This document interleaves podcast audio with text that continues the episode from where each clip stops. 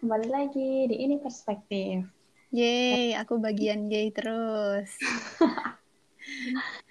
Kali ini kita akan bahas tentang kuliah pendidikan.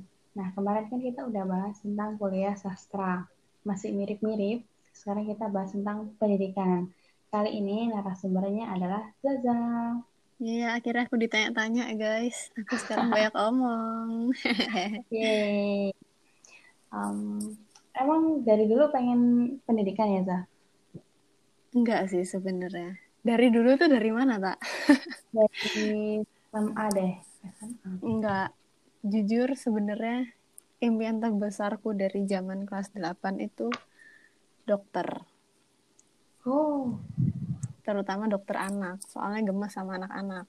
Terus makanya SMA itu masuk IPA kan zaman kita dulu zaman aku sama Ita itu uh, eh, SMA-nya tuh penjurusannya di kelas 11 jadi waktu kelas 10-nya belajar IPA dan IPS nah cuman Ita kan SMK aku SMA nah terus mau apa pemilihan IPA IPS itu dari tes psikologi juga. Jadi nanti cenderung ke mana berarti dia masuk IPA atau IPS nah waktu itu aku masuk IPA oh itu waktu naik ke, ke kelas 2 ya? Mm -mm, ke kelas 2 SMA dah masuk IPA pede tuh masih pede sampai kelas 11 kayaknya kalau nggak salah kelas 12 awal deh baru ngerasa kalau nggak murni passion aku sih dokter itu.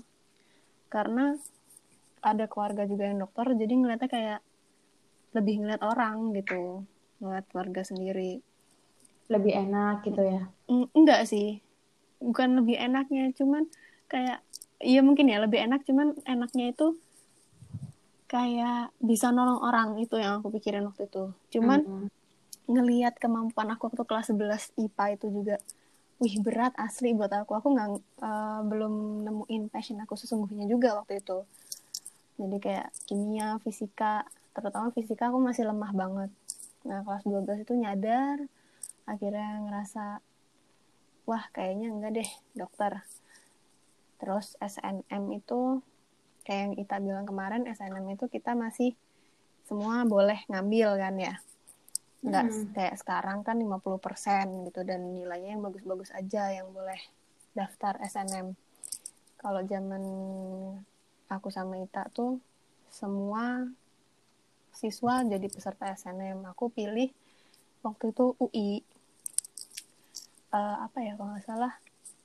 Oh geografi, geografi UI sama ilmu perpustakaan.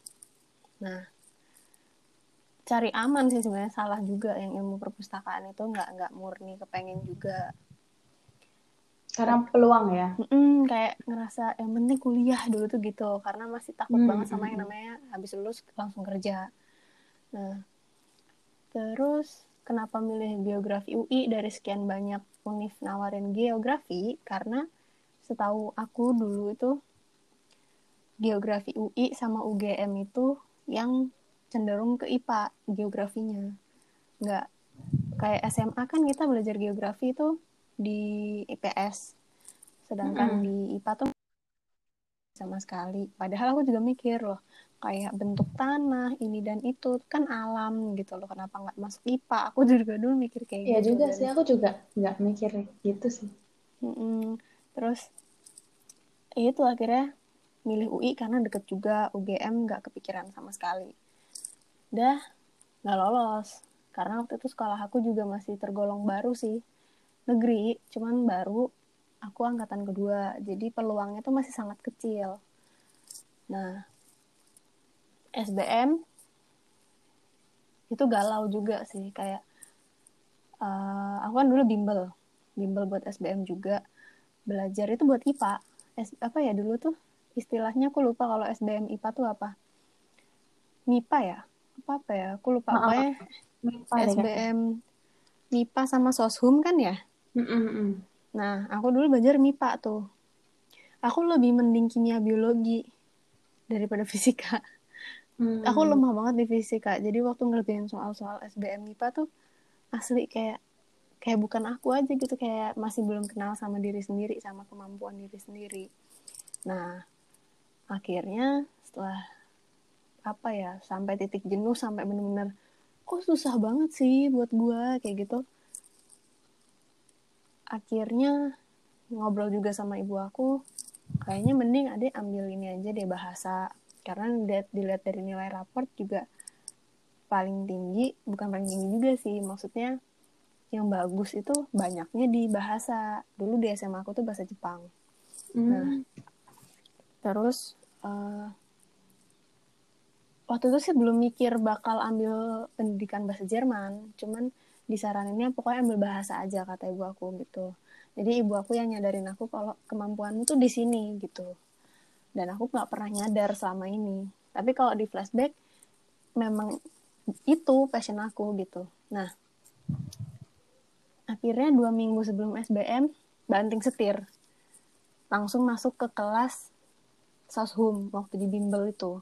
Pada kaget. Wow. Kagetnya karena loh kamu lo bentar lagi lo tinggal tinggal apa SBM kok baru banting setir sekarang. Dulu kan ada MIPA sosum sama IPC nah aku ditawarin IPC lah aku IPA dewe gak kuat wesan ketambahan sosum. Aku ya kudu sinau maneh kan. Apalagi sosum kan aku cuma belajar dari pas kelas 10 juga, doang gitu loh. Hmm. nah akhirnya itu bener-bener momen belajar banget sih SBM itu siang-siang aku belajar tak habis makan Wow. siang langsung belajar kayak gitu. Padahal aku nggak biasa buat belajar se se ekstrim itu sih buat aku ekstrim ya. Hmm. terus ya udah eh, sistem SBM dulu juga itu ada wilayah-wilayah gitu loh kalau kita milih kampus. Kayak aku kan sekolahnya di Depok dulu. Nah jadi aku bisa ngambil wilayah satu apa dua gitu. Satu tuh Jawa Barat dua tuh Jakarta seingat aku itu untuk tesnya ya? Apa untuk kuliah untuk milih untuk milih. Milih apa? Untuk milih, milih jurusan Eh, jurusan sekaligus tempat kuliahnya eh, apa kampusnya. Oh. Seingatku gitu. Oh ya kamu SNM ya? Hmm. jadi beda. Eh, SBM tuh gitu tak jadi Hmm. eh, pilihan pertama diusahakan eh, di apa wilayah satu. Tapi Depok kan karena nggak ada kampus ya. Maksudnya nggak ada kampus negeri yang berlokasi di Depok karena UI masuk ke Jakarta Hmm, hmm, hmm. paling bisa ambil Jawa Baratnya kayak Unpad, ITB gitu. Terus nggak kepikiran Unpad, Unpad sama sekali sih aku juga. Karena emang nggak mau ke sana, bukan nggak kepikiran juga. Nah, terus eh, kalau nggak salah waktu di UI itu, pokoknya di kampus-kampus tuh kan sering ya kalau kita mau SNM, mau SBM itu kayak ada apa ya istilahnya tuh seminar apa ya apa pelatihan gitu untuk milih-milih jurusan kayak gitu-gitu untuk mengarahkan oh dedek-dedek ini gitu. Nah, seingatku sih di itu deh di UI. Kalau nggak di UI di SMA 28 waktu itu aku sama teman-teman aku ke sana buat kayak hello kampusnya mereka gitu. Nah, di situ aku nanya sama sa- salah satu orang gini, Bu, kalau saya mau ambil di luar kota, waktu itu udah kepikiran UNESA, mau ambil di luar kota dan peluangnya saya keterima, berarti harus milih satu atau gimana? Waktu itu kalau nggak salah Jawa Timur masuk wilayah tiga.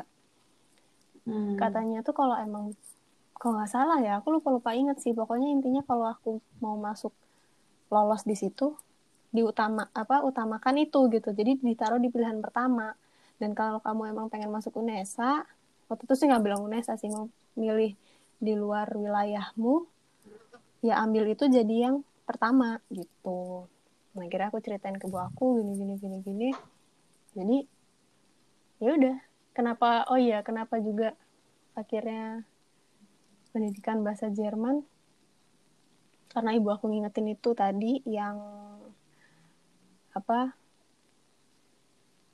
Apa tuh namanya? Eh, nilai aku bagus di bahasa. Terus ya udah. Akhirnya ngambil deh pendidikan bahasa Jerman. Pilihan di SBM itu cuma satu-satunya itu. Oh cuma satu itu aja? Kan sebenarnya bisa milih tiga. Ah, tiga ah. jurusan dan tiga kampus. Cuman kan kita juga dulu ngeliat ratingnya kan Uh-uh. Nah, cuman aku waktu itu pengen banget, kenapa pengen banget lolos SBM?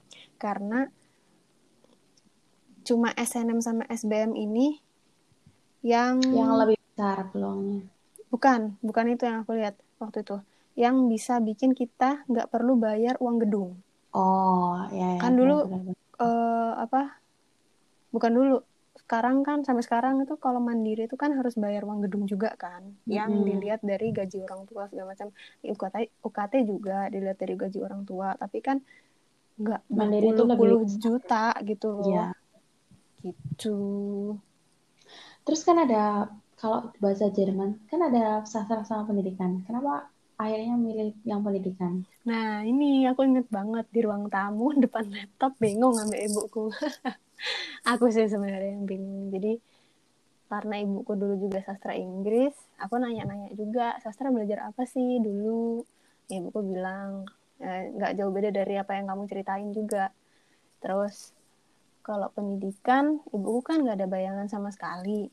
Jadi waktu itu ngeliat hmm, apa tuh namanya kurikulumnya kurikulumnya itu mata mata kuliahnya terutama yang di UNESA seru juga ya ternyata belajar pendidikan juga. Aku mikir gitu aku nggak punya pikiran kalau misalnya itu ada eh, apa nanti eh, outputnya tuh guru sama sekali. Dulu cuma mikirnya kalau sastra Jerman berarti mempelajari sastra dan banyaknya bahasanya juga. Nah kalau pendidikan aku dulu mikirnya ada dua benefit. Aku bisa belajar bahasa Jermannya aku bisa dapat ilmu pendidikannya juga. Gitu jadi itu yang Meskipun meskipun di awal tuh eh, nggak kepikiran pengen jadi guru ya. iya nggak sama sekali tak aku nggak pernah terbesit buat jadi guru Meskipun ibumu adalah seorang pengajar juga nggak memotivasimu. enggak karena nggak nggak ada buat passion buat ngajar gitu aja Oh ya, ya, ya. berarti kayak blind choices gitu ya. ah ya bisa dibilang begitu terus ya udah akhirnya pendidikan bahasa Jerman gitu. Nah, terus pas udah tahu keterima, oke, wow, keterima nih, gimana tuh? Seneng? seneng lah. Ya, pasti. seneng. Aku makanya aku bilang aku nggak pernah belajar se ekstrim itu. Aku rasanya tuh itu perta untuk pertama kalinya aku doa se ekstrim itu juga. Terus keterima tuh wih.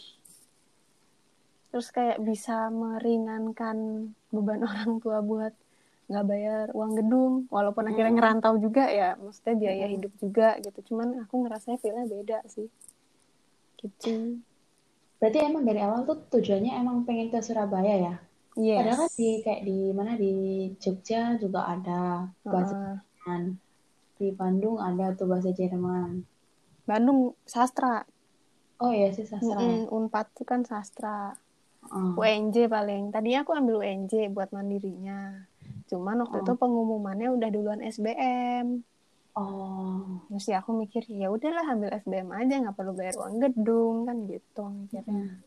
ya sudah Tapi memang- berarti memang tujuannya ke Surabaya.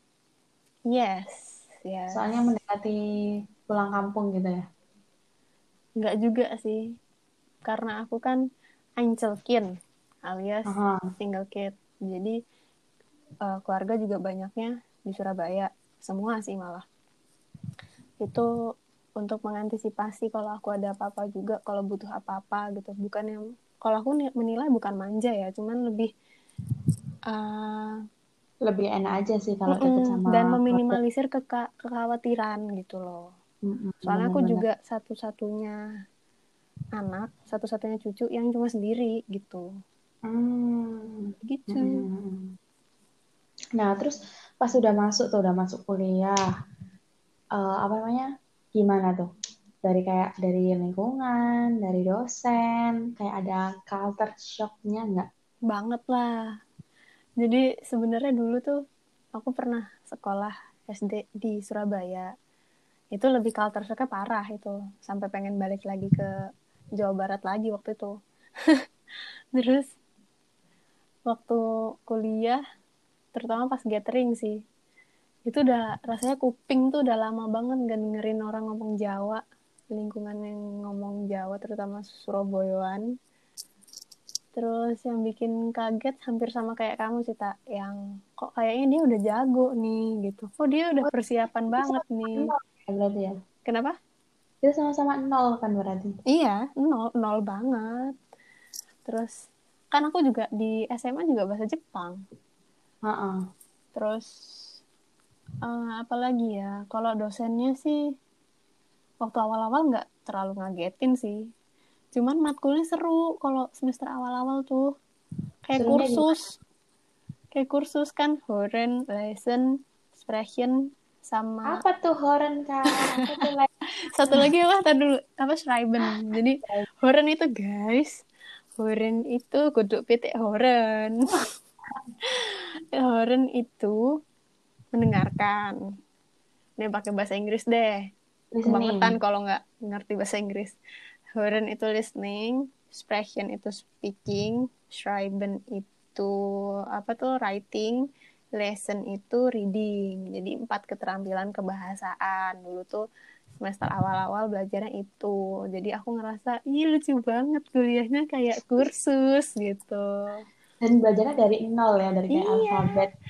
Betul. Dan yang bikin kaget juga menariknya tuh bahasa aku baru baru, baru tahu bahasa Jerman itu alfabetnya bacanya ya kayak kita di Indonesia nggak kayak bahasa Inggris kan A B C D E F G yang menurut kita itu berbeda dengan apa yang dilafalkan sebenarnya. Kalau di Jerman tuh nggak, paling ya cuma beberapa kayak Y jadi upsilon, X itu bukan X tapi X kayak gitu-gitu cuma beberapa lah. Umlaut, umlaut kan. Umlaut yang ada titik duanya. Kalau dulu kita SMS itu dibuat senyum padahal Padahal itu bahasa Jerman guys, bahasa-bahasa Eropa yang sering dipakai. Gitu. Aku dulu juga gitu, baru apa namanya? Ternyata nggak sesusah yang ada di pikiran. Mm -mm. Tulisannya gini, dibacanya juga gini sama gitu. Mm. Lebih gampang. Oh iya, aku nambahin juga yang waktu SBM itu waktu galau milih jurusan. Aslinya ibuku ah. juga nyaranin juga buat bahasa Jepang karena ngerasa udah ada basic kan. Ah iya, Terus, iya itu tuh aku juga sama kayak kamu tak ngerasa aduh ada aksaranya apalagi kalau Jepang tuh ada katakana hiragana sama kanji kan dan pemakaiannya hmm. seingat aku tuh kalau hiragana apa katakana gitu tuh kayak kayak apa ya peleburan kata dari bahasa Inggris kalau nggak salah gitu. Kalau oh, salah ya iya. udah mohon maaf. Apa sih uh, kata serapan gitu ya? Mm -mm, gitu. Jadi ada bedanya juga. Jadi tuh ini apa? Jadi tapi kalau sampai sekarang yang diingat Watashi wa Zazades. Udah itu doang. Oh berarti uh, sebenarnya emang kita tuh sama-sama dari dulu tuh udah peka sama bahasa ya. Cuma kita yeah. tuh nggak iya. ngeh sama itu. Nggak ngeh dan meremehkan lebih tepatnya. Jadi kita denial hmm. sebenarnya. Tapi tapi dari dulu suka bahasa nggak sebenarnya? Bahasa asing. Kalau diingat-ingat iya. Karena dari SD juga ya terutama tuh bahasa Inggris tuh kayak bikin aku semangat belajar gitu loh. Dulu tuh pokoknya dari SD pelajaran yang menyenangkan buat aku tuh olahraga bahasa Inggris bahasa Indonesia. Kalau di rumah waktu dari SD tuh uh, di rumah tuh aku belajar itu seringnya tuh buka buku bahasa Indonesia nyari cerita. Hmm. kalau bahasa Inggris belum terlalu bisa baca langsung gitu kan. Jadi yang hmm. SD tuh lebih sering baca buku buku paketnya bahasa Indonesia tapi yang dicari cerita. Dongeng-dongeng kalau dulu tuh. Mm -mm. walaupun babnya udah sampai belakang tak iya, jadi misal misal di kelas tuh cuma baru sampai bab berapa ya itu udah aku ke bab selanjutnya tuh udah nyari mana nih cerita yang bisa gue baca gitu iya benar-benar terus SMP itu tetap bahasa Inggris bahasa Indonesia tuh sangat sangat menyenangkan buat aku Nah, mulai naik tingkat ya ke novel. Mm-mm. Nah dari SMP tuh udah sering tuh ke perpus bolak kerjaannya bolak balik ke perpus sama temen-temen. Ya walaupun tin-tinitan dulu tuh. Kalau bahasa Jepang juga. Kalau bahasa Jepang tuh bener dari dulu tuh kan emang ya bahasa Jepang tuh butuh buku kotak-kotak itu kan buat nulis oh, uh, aksaranya. Matematika. Enggak, itu kekecilan lah. Buku kotak-kotak yang gede gitu. Emang khusus buat buku nulis-nulis aksara. Hmm. Tuh. Berarti buat yang emang dari dulu suka bahasa tapi nggak ngeh bahasa apa aja ya bahasa Indonesia bahasa Inggris hmm. itu mungkin bisa jadi kepekaan atau minatnya itu ke situ. Mm -mm. ya nggak nggak aja. Mungkin juga karena kurang dukungan ya. Kalau orang-orang kan memandang jurusan-jurusan yang lebih umum. Kayak jurusan bahasa tuh lebih nggak terlalu dilihat. Yes. Nah, terus pas masuk kuliah nih, lanjut ke tadi kan kita bahas tentang mata kuliahnya tuh, Mm-mm. seru kan, asik. Terus kita ada lagu-lagunya juga kan? Kita belajar kayak eh, anak kecil gitu kan ya, ada lagu, kita belajar dari lagu. Iya, jadi kayak anak TK aja gitu. Kebetulan dosennya juga kayak mengayomi kita sebagai anak TK yang baru belajar bahasa Indonesia, ngerti gak sih? Kayak, ya anak-anak kita hari ini belajar balonku ada lima, cuman dosen kita tuh, dosen kami tuh beda. Ini anak-anak bahasa Indonesia-nya ya, kita hari ini belajar lagu, apa ya tak yo? Main Han Istot. Oh, kalau aku dulu Main grun, Han. Istot itu ayamku mati guys. Itu asli tot itu mati aslinya. Apa artinya? Terus grun grun grun juga tuh. Terus itu tapi yang keinget sampai sekarang ya. apa ending lagunya diplesetin. Karena ending lagunya itu ada Mind Shots. Nah Mind Shots itu pacarku. Cuman waktu itu waktu ki- kami masih awal-awal semester tuh banyak yang jomblo jadi nggak terima kalau lagu itu ada Mind Shots gitu terus diganti gitu Diganti apa tuh? lali aku tapi ganti apa pokoknya diganti sampai arek-arek gak terima gara-gara gak duwe Mind Shots aku gak duwe shots ngono gitu Jadi eh, apa namanya dosennya juga asik, ya kan? Dari mata kuliah, dosennya Iya. asik. Nah ini highlight highlight kedua. Eh, kalau kita lihat dari mata kuliahnya, kalau setahuku nih jurusan-jurusan lain tuh kalau eh, kuliah tuh lebih ke serius, eh, apa namanya berat kayak gitu kan. Kalau setahuku ya kayak misalnya akuntansi, matematika gitu-gitu. Mm-mm. Dan kalau kita tuh kayak lebih fun, lebih enjoy gitu ya, Za. Guru-gurunya, eh dosen-dosennya juga asik, nggak yang kaku banget. Mungkin itu juga karena kita ngelihat di sisi kita sebagai mahasiswa sih tak kalau menurutku nggak bisa dipukul rata kayak gitu juga. Jadi Mhm. misal emang kayak kamu bilang tadi akuntansi berat soalnya buat kita emang berat. Ya nggak sih? Iya juga sih. Cuman, Tapi- cuman kan tetap aja penyampaiannya kan masa ini sama nyanyi-nyanyi, kan kan oh iya iya benar-benar. Materinya berarti ya. Nggak nggak terfokus dengan kamu belajar bahasa Jerman grammarnya harus kayak gini gini gini gitu enggak Yes, betul. Nah, terus kalau dari lingkungannya gimana tuh teman-teman? aduh teman-teman aku sangat-sangat lucu itu benar-benar proses pendewasaan sih kalau menurut aku eh apa ya kami itu dari berbagai macam daerah untuk di kelas aku ya jadi pendidikan itu dibagi dua kelas waktu itu karena per kelasnya udah dua, ada 21 anak karena lebih sering sama yang kelas B ini aku kan kelas B Hmm. ya ini eh, perspektif lingkungan perkuliahan pertemanan di kelas aku itu suportif sih anak-anaknya suportif tuh maksudnya Saling mendukung. mm, mm-mm. tapi gini loh misal kayak dosen itu nggak ada pertanyaan kita disuruh jawab misal yang sering jawab tuh eh, ngasih kesempatan buat yang belum gitu loh ngerti gak sih? Oh. gitu jadi nggak mesti eh, sadar diri gitu loh dia akhirnya oke deh bu jangan gua aja yang jawab toh yang kuliah juga bukan gua di sini kayak gitu. Terus sampai pernah ada momen jujur jujuran di kelas aku. Aku tahu tuh. Gara-garanya tuh dulu ya ampun itu kayak bocil banget sih. Itu apa ya kayak kesel-keselan bocah gitu loh. Dan sebenarnya menurut aku bagus sih ada jujur-jujuran itu kayak kita dikasih tahu kelemahan kita kelebihan kita tuh dikasih tahu. Nah dari situ aku benar-benar ngerasain proses pendewasaan asik. Terus kelas aku juga ngadain uang kas aku jadi bendaharanya. Aku sampai Oh, sampai, asik. sampai sekarang sampai bingung kenapa sih kudu gua emang muka gue semeyakinkan itu gitu. Bukannya kamu bukan jahat. berarti aku nilep nilep duit enggak. Cuman dari sekian banyak pasang mata itu kenapa sorot mata itu gue zazah ya jadi bendahara. Iso eh loh langsung nyeplos kayak gitu tuh loh. Padahal Terlihat keibuan kali Za. padahal aku paling cilik dewe. Ya kan nggak nggak Iya kelihatan kalau dari umur. terus eh apa sih aku pada lali. Oh padahal yang saran buat ada uang kas tuh bukan aku. Aku cuma oh boleh boleh gitu. Ya saya sama bendaharanya Zaza hai. Aku langsung ngeluh. Aku nggak punya nggak punya background pengalaman jadi bendahara. Dulu tuh ogah banget selama sekolah jadi bendahara tuh. Eh, Nggak sekarang apa-apa, disuruh jadi bendahara. Tos lah kita. kamu mah bendahara segala event. Yes, yes. Eh, sempet ini nggak sempet kayak ngerasa minder gitu nggak? Kalau aku kan, iyalah. aku dulu sempet ngerasa karena karena aku nol. Nah kalau kamu gimana tuh? Kalau aku gimana ya? Aku nggak sampai kayak kamu ngomong sama orang tua sih.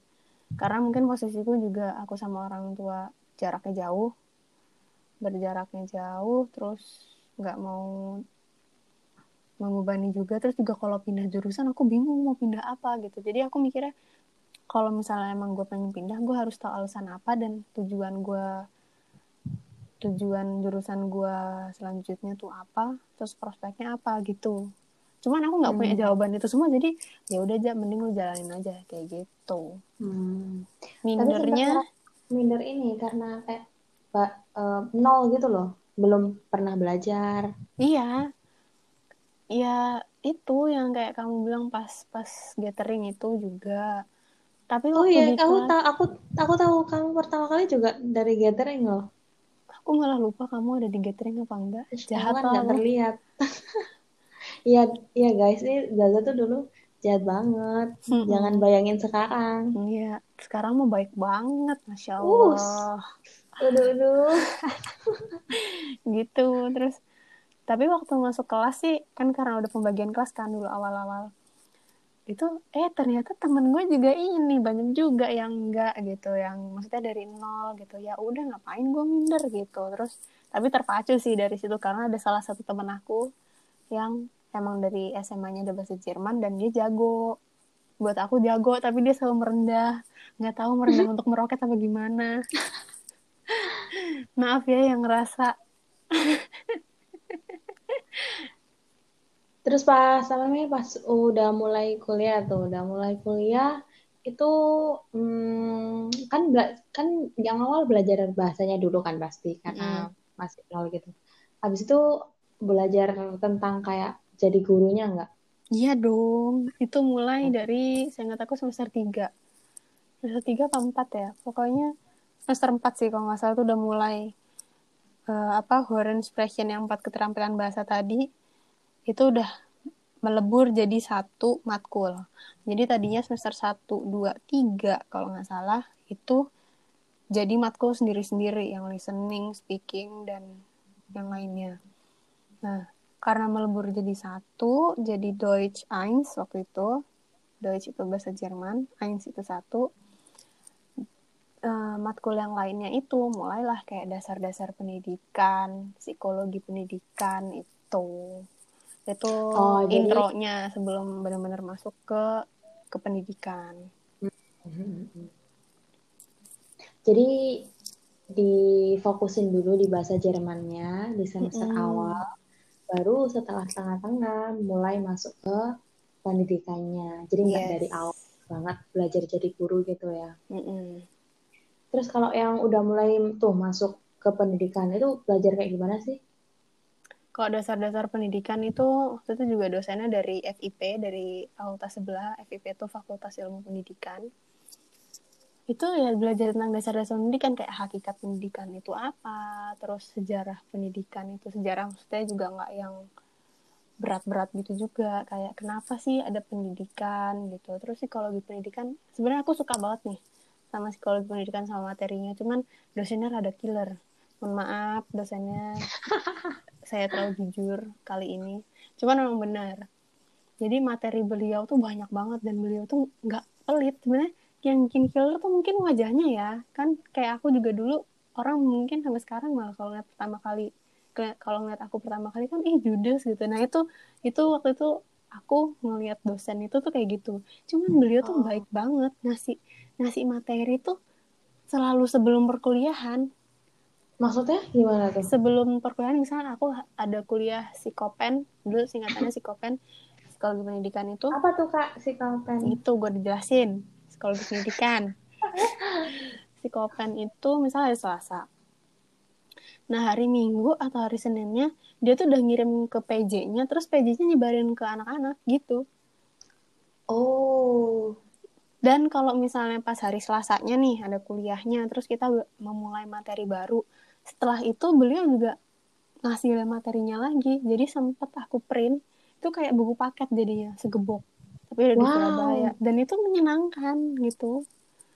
Ngerti gimana cara proses kayak membiasakan apa pembiasaan terus kenapa si anak begini begitu kayak gitu. Nah kalau di bayanganku karena aku nggak belajar pendidikan itu kayak hmm, membosankan. Terus habis itu apa ya Iya pokoknya gitu deh flat gitu. Emang kayak gitu ya? Enggak justru aku bener-bener dapet semacam titik balik ya. Uh, ngerasa bersyukur banget kenapa milih pendidikan itu karena matkul psikopen itu sebenarnya. Kayak uh, bukan kayak karena ngerasa gue belum tentu dapat di jurusan lain nih gitu. Untuk psikologi mm -hmm. pendidikan. Mm -hmm. karena bener-bener kita uh, ngerti gimana pembiasaan itu tadi, terus gimana mengontrol kelas misalnya, gitu. Gimana gimana cara ngajar kita ngaruh ke psikologi peserta didik, kayak gitu. Terus kayak diajarin ini ya, bikin RPP gitu-gitu mm -hmm. masih tentang Itu udah semester-semester 5-6 itu. Susah gak sih kayak gitu-gitu nyusun susah RPP sih. gitu-gitu? Asli susah. Karena kami sebelumnya nggak pernah ngerti bentuk RPP itu kayak gimana. Terus kita disuruh bikin RPP gitu. Terus itu sempat shock nggak? Shock banget. Itu malah balik lagi titik balik lagi. Ya gue ngapain masuk pendidikan gitu. Ya labil dong. Beda sama med ada matkul pen med uh, media pendidikan. Itu beda lagi. Kalau media pendidikan seru karena kami itu hmm, tugasnya lebih banyak bikin media. Jadi kita ngerti misalnya materinya apa oh ya udah kita bikin media ini gitu. Nah tapi kalau ditanya dosen ini untuk berapa kali pertemuan? Nah itu bingung. Padahal kami dulu apa kita dulu sebagai peserta didik ngerasain lah istilahnya punya guru ya. Cuman kan posisinya beda. Dulu kita ngertinya sebagai siswa itu ngertinya guru cuma ngajar nilai selesai dan mm -hmm. dari apa dari kuliah ini aku ngerti cuy guru kerjanya nggak cuma ngajar cuy banyak Kayak yang dikerjain di, di depan layar tuh cuma secuil gitu ya mm -hmm. di balik layar tuh nggak nggak kelar kelar apalagi ibuku juga guru kan itu juga uh. ya allah bener-bener ya guru ternyata di mana mana kayak gini gitu Itu kamu udah mulai sambat berarti ya semester semester tengah. Udah mulai apa? Sambat. Iyalah kayaknya lu juga dah. Bohong lu kalau nggak sambat. Tapi kan aku sambatnya kan lebih ke tugas gitu-gitu kan. Kalau kamu kan aduh ribetnya bikin ini bikin ini ngurus ini eh, ngurus tugasnya ah, juga. Dulu tuh dosennya tuh kamu tahu siapa? Dos bingku. Dos bingku oh, tuh dosen RPP-an dulu itu yes. Itu itu ngasih tugasnya seringnya wes ya awakmu pelajaran iki? Kok gayan iki? Masih kerja kelompok ngelu kene.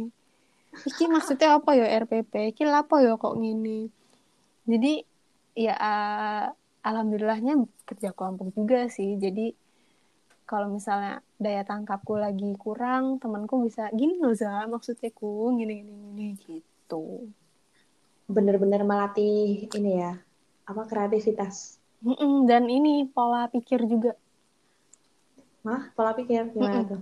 Pola pikir bukan pola pikir ya, apa istilahnya? Uh, muter otak mental. juga. Bukan, bukan mental, muter otak juga maksudnya kayak gini loh. Kita sebelumnya nggak pernah dapet materi-materi yang berat lah istilahnya waktu sekolah. Ya sesuai tingkatannya kan. Cuman waktu kuliah tuh kayak benar-benar memanage otak buat ngerti maksudnya ini tuh gini, maksudnya ini tuh gini, gitu. Nah, gitu ya. Kenapa? Tujuannya. Hmm, kok tujuannya? Bukan. Kayak memahami materi itu gitu loh, tak terutama untuk pendidikan ya. Beda sama Aduh, aku susah aku. Aku menjelaskan ya. kan guys, jadi tidak paham. Iya, kayak gitu guys. Beda lah. Kami pendidikan itu nggak nggak nggak beda banget jauh sama sastra kayak sastra kan kemarin kata Ita lebih sering ngomongin karyanya kan. Kalau kami Ah. mah lebih lebih ke teknisnya suatu pendidikan juga.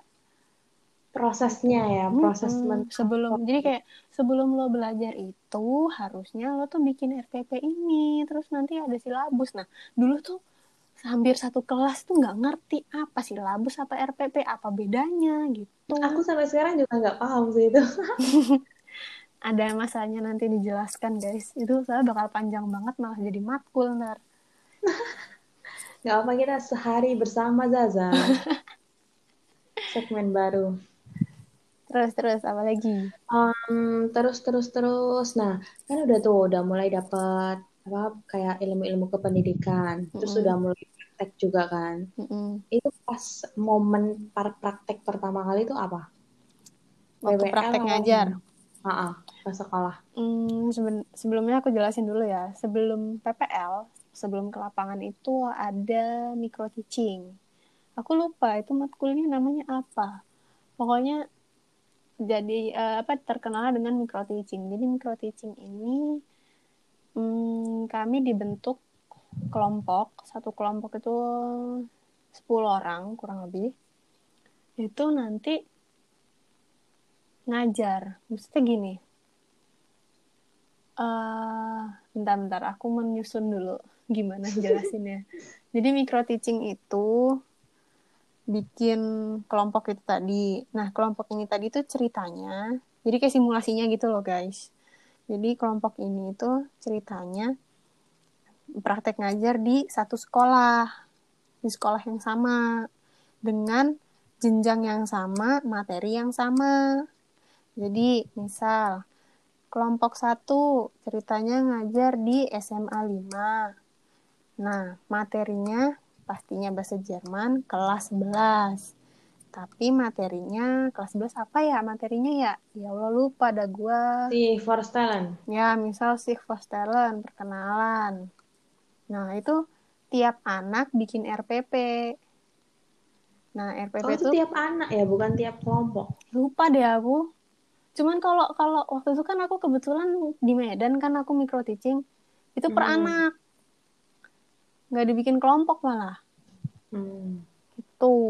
Tapi kalau teman-temanku waktu di Surabaya gaya banget bang. Maksudnya teman-teman aku yang asli bukan yang asli juga. Palsu. Maksudnya waktu aku ke Medan teman-teman aku tuh kayak gitu. Sampai direkam juga, sampai dapat DVD-nya Oh. gitu. Eh, jadi muridnya, murid itu ada tingkat. Eh, lo jadi ini ya, lo punya ini kan seragam SMA masih ada kan? Kalau enggak lo pinjam, lo jadi murid ya ceritanya gitu. Oh, kayak ini ya, role playing gitu. Mm-mm, jadi kayak drama-dramaan gitu emang, tapi memang simulasi dan itu ya dinilai gitu. Oh, Nah, ya. dah kan satu semester tuh micro teaching.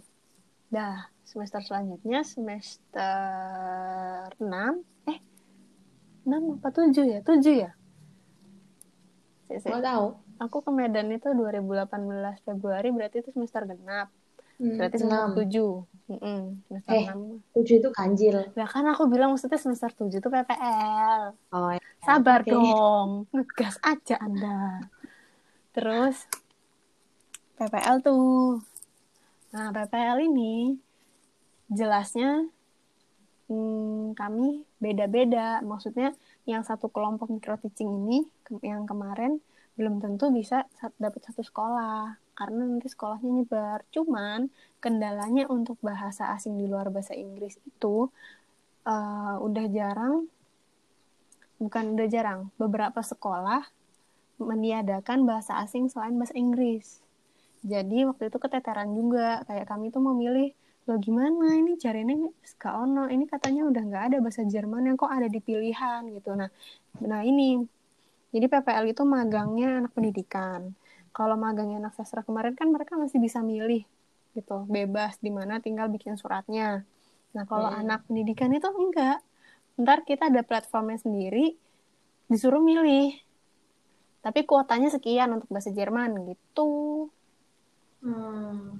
Cek, cek. Buat yang enggak enggak nih, PPL itu singkatannya praktek? Melalui. Kali lapangan lah. Praktek. Pengajaran apa ya? Pembelajaran. Aku Oh ya, lupa loh. pembelajaran. Ya, dulu du- dulu tuh bukan PPL nama matkulnya sebenarnya. Apa? lupa lupa ah lu bikin gua buka ini dah Kan Penasaran. ini ceritanya. Mm sih sih ya tak buka ya matkul Nyontek dia, guys. itu hmm, mana ya hmm, hmm, hmm. sabar sabar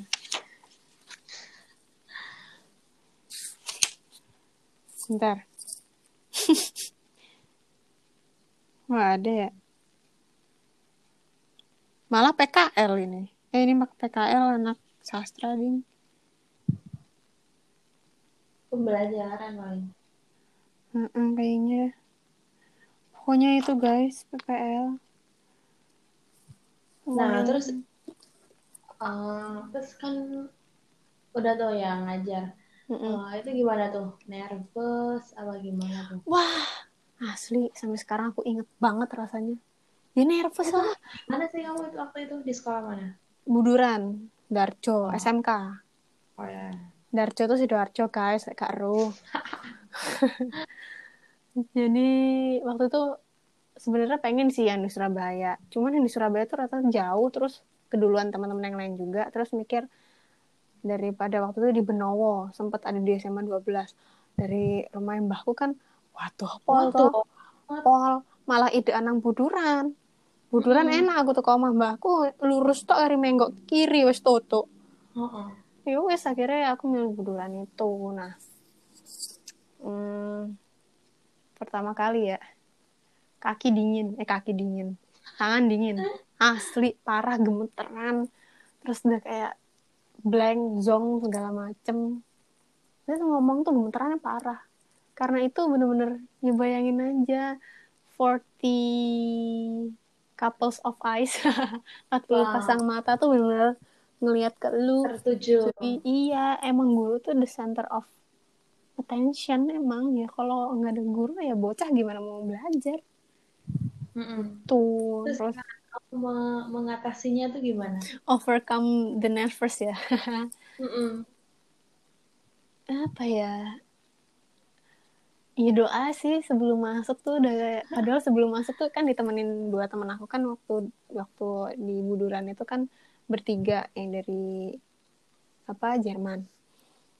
Tuh Mm-mm. bisa eh tanganmu kok adem sampai kayak gitu. Terus bisa ta gak usah iki apa gak usah panik gitu. Terus berusaha narik nafas panjang buang kayak gitu gitu seringnya ya udah terus eh, oh gini nge-mindset bahwa aku di sini sebagai guru magang. Mereka murid ini nggak terlalu jauh eh, apa Jaraknya. jaraknya umurnya.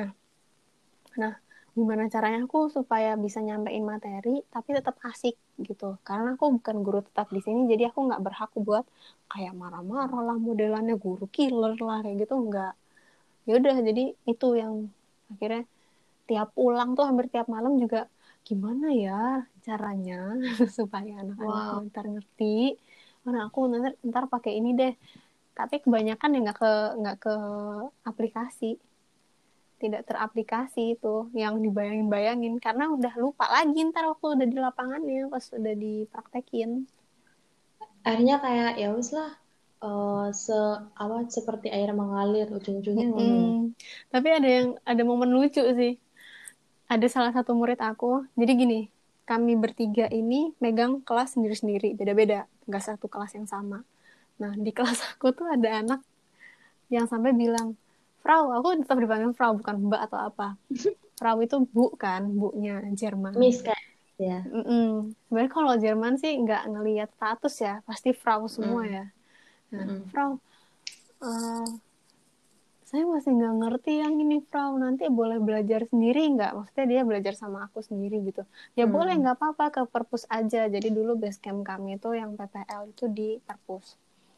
Terus ya udah waktu jam istirahat. Tapi ya terserah kamu sih. Aku bilang gitu kan. Karena masa sih mereka udah belajar terus istirahat juga belajar lagi. Apalagi di materi yang nggak mereka ngerti.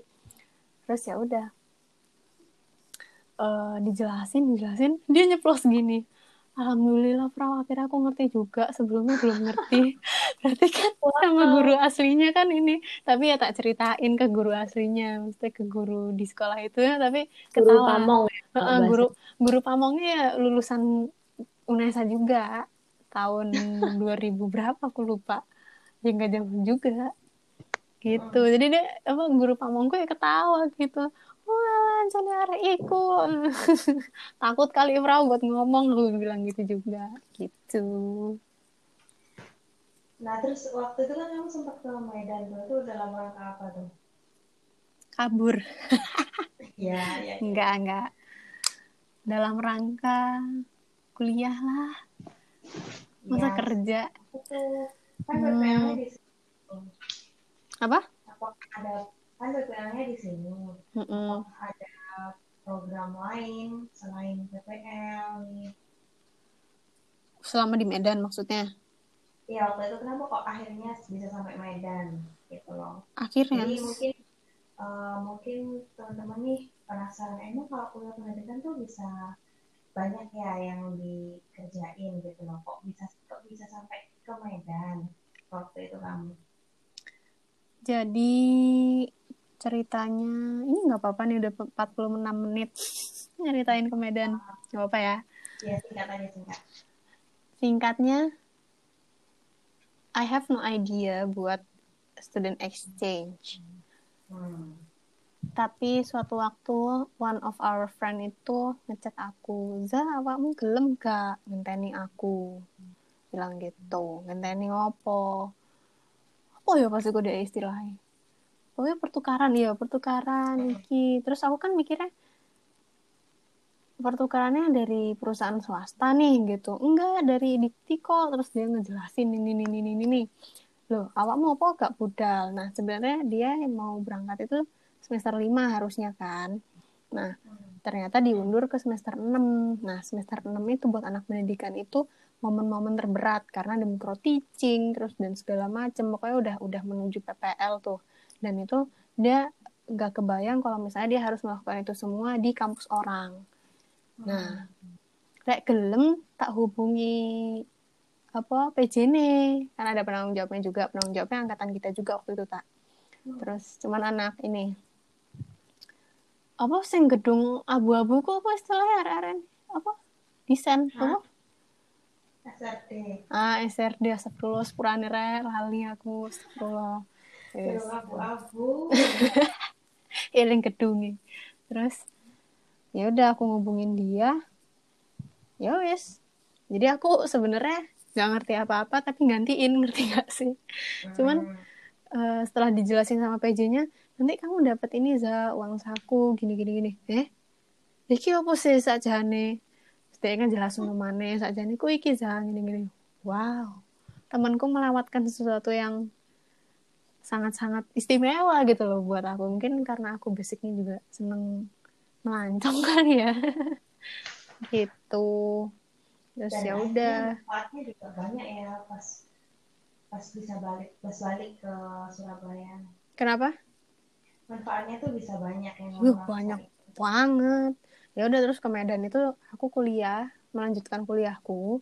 Jadi judulnya tuh sebenarnya bukan eh, judulnya tuh permata sebelumnya pertukaran mahasiswa tanah air cuman waktu angkatanku itu diganti namanya transfer kredit LPTK LPTK itu Oh. lembaga perguruan tinggi kependidikan nah jadi khusus oh, ya. un- univ-univ yang kependidikan kayak UNJ, eh, UNES, terus UNESA, Unimed.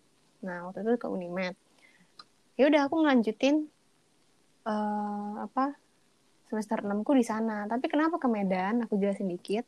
Karena sebelum berangkat kami itu juga harus ngeliat tujuan kita itu apa kampus tujuan kita tuh sesuai nggak matkulnya sama kampus kita di semester 6 kayak gitu. Nah, dari sekian banyak univ yang ada pendidikan bahasa Jerman yang paling sama yang hampir mirip-mirip itu Medan. Ya udah ke Medan.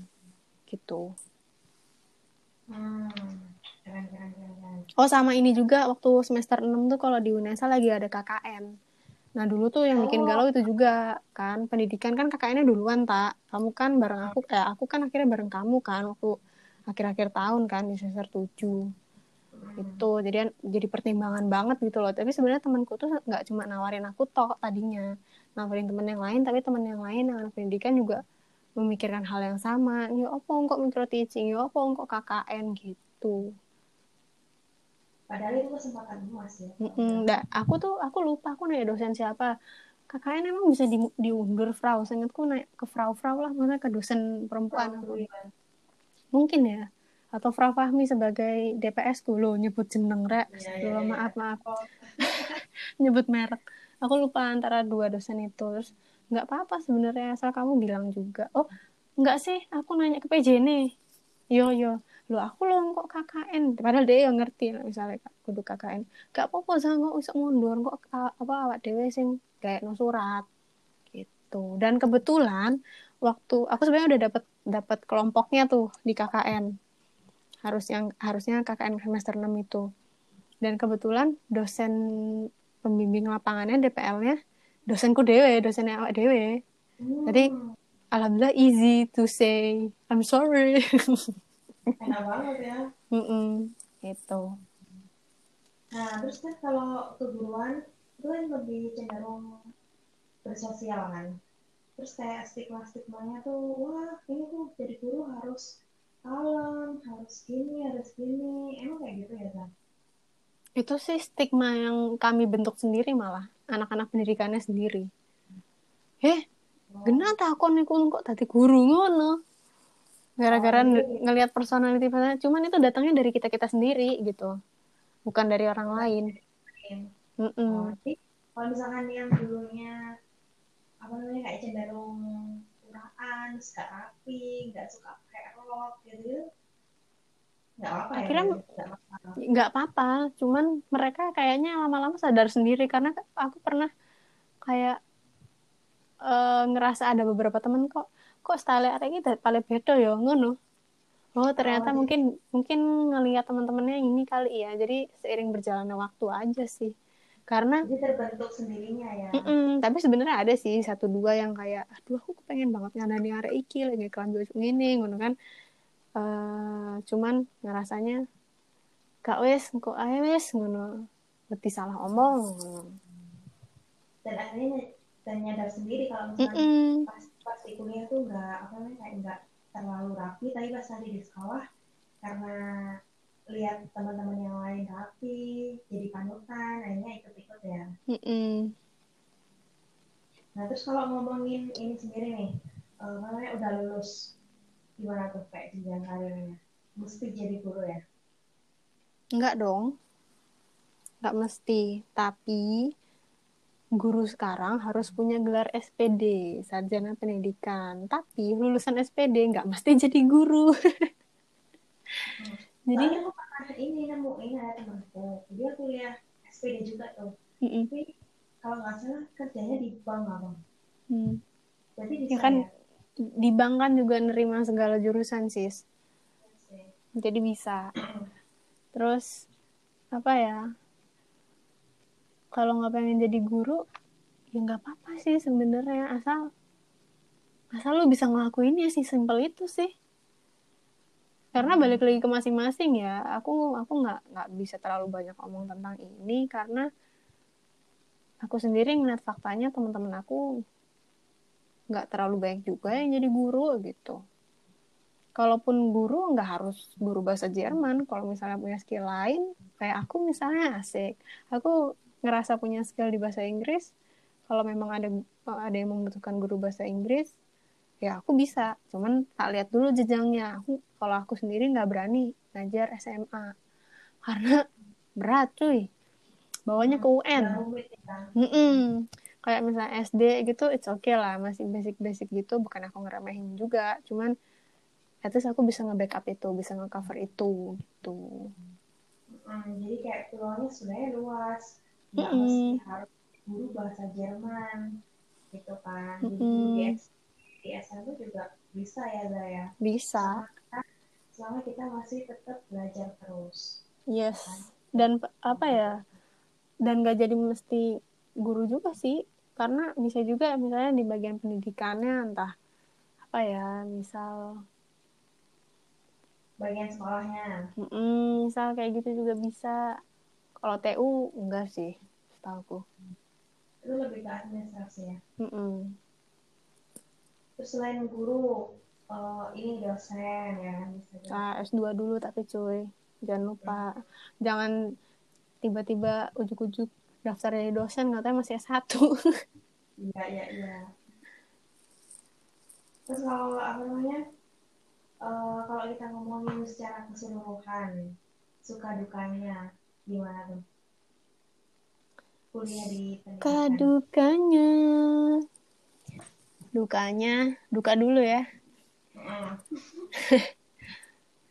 dukanya itu sedih karena belajar bahasanya makin lama makin dikit. Maksudnya makin lama aku kuliah di situ maksudnya makin naik semesterku makin berkurang kebahasaannya. Dan aku berduka juga terhadap diriku sendiri yang tidak sadar-sadar dari dulu bahwa cuy harusnya lo belajar sendiri harusnya lo bisa gitu. Cuman ya sudahlah sudah lewat. Sukanya akhirnya ngerti kerjaan guru tuh sebenarnya kayak gimana sesusah apa jadi guru di Indonesia itu nggak cuma ngajar doang cuy lu inget-inget dah tuh beruntunglah kalian sebagai anak yang punya orang tua salah satunya guru ngerti itu guru tuh kayak gimana cuman aku ngertinya guru kayak gimana tuh di akhir-akhir aku SMA jadi nggak terlalu ngerti sebenarnya guru tuh ngapain tapi Ya, itu setelah semua orang sih. Mm-mm. masa-masa anak awal. Iya sih. Terus itu sih terus sedih, apa sukanya banyak sukanya sih aku kayak Sih. karena ya itu kayak proses pendewasaan aku banyaknya dari pengalaman-pengalaman di kuliah baik dari apa perkuliahannya sendiri maupun mau apa akademik maupun non akademik gitu. Hmm. Dan kalau misalkan ini nih, tadi kita kan ngomongin tentang LPTK tadi kan. Mm-mm. Jadi kesempatannya banyak banget buat eh, apa namanya pertukaran pertukaran pertukaran mahasiswa gitu ya. Mm-mm. universitas. Jadi kayak studi banding dengan universitas yang keguruan juga. Mm-mm. Tambah temen ya kan, Yes. nambah ilmu, pengetahuan dan lain-lain. Terus, cuman itu doang berarti Apanya? dukanya. Dukanya kayaknya itu doang deh. Sama awal-awal ini sih RPP silabus nggak bisa bedain tuh sampai bener-bener cenat-cenut itu pala asli. Kayak ya Allah ini apa sih? Bedain silabus sama PPL oh, eh sama PPL sama RPP nah akhirnya bener-bener ngerti RPP silabus itu ya setelah PPL jadi memang magang itu sangat-sangat penting. Karena kita akhirnya ngerti sebenarnya peran ini tuh apa peran sebenarnya ini untuk apa kayak gitu. Wow. Terus kalau sukanya tuh, sukanya itu tadi proses pendewasaan untuk lingkungannya dari teman-temannya mulai dari akademik maupun non akademik terus ya itu akhirnya aku jadi tahu kerjaan guru tuh kayak gimana sebenarnya tuh yang utama tuh jejaring sih kalau aku lihat ya. Apa? Kan Jejaring, hmm. jejaring dari teman sendiri tuh banyak kan. Kalau pendidikan. Terus namanya dari dosen juga. Kebanyakan dosen atau guru-guru yang ada di sekolah-sekolah itu menghalanya tuh cuma sa- satu gitu. Sebenarnya tuh dari satu universitas. Ya, Mm-mm. jadi kayak kita tuh eh, ketemu temen lintas generasi gitu loh serunya. Mm-mm. lintas lintas angkatan Karena nggak semua universitas ada pendidikannya kan. yes Atau bahasa Jerman. Nah kalau eh, satu lagi nih yang aku mau pengen tanyain, Mm-mm. sering banget eh, ada kayak apa ya? Kalau orang-orang tua zaman dulu tuh bilangnya, oh ini semua naik kerja, Iki ae dari guru wae enak, PNS dan lain. Mm-mm. What's your opinion? Kalau sekarang sih guru udah guru itu udah nggak harus PNS sih. Cuman gimana ya? Hmm, wah ini mikir panjang nih gua. Pertanyaan dadakan nih kayaknya. Mm-mm. Jahat juga nih orang. Sampai bingung ngadepinnya. Maksudnya gimana nih tanggapan terhadap situasi kayak gitu maksud kamu? Ah, kayak hmm, kamu kan sebagai pelakunya tuh, ya kuliah pendidikan, habis itu lulus ngajar. Nah, gimana tuh menurutmu? Emang benar kayak dijamin enak gitu loh? Gak ngerti sih aku bukan PNS jadi nggak ngerti enaknya. Ya kan? ya gimana ya mungkin untuk sebagian orang enak mungkin sebagian orang tidak. Cuman mungkin enaknya kenapa PNS mungkin orang dulu tuh ngelihat PNS itu terjamin ya kan masa tuanya dapat pensiunan itu sih mungkin mungkin ya nggak tahu nih bagaimana orang-orang dulu mohon masukannya Ya, Eh, kenapa suaramu makin kecil zaman kita ini Mm-mm, kan em, yang kuliah pendidikan makin banyak kan. mm-mm. Jadi kayak sumber daya manusianya makin banyak. Terus akhirnya ya nggak segampang dulu. Ya kan? iya dan nggak semau itu juga maksudnya lulusan SPD juga belum tentu mereka mau jadi guru Mm-mm.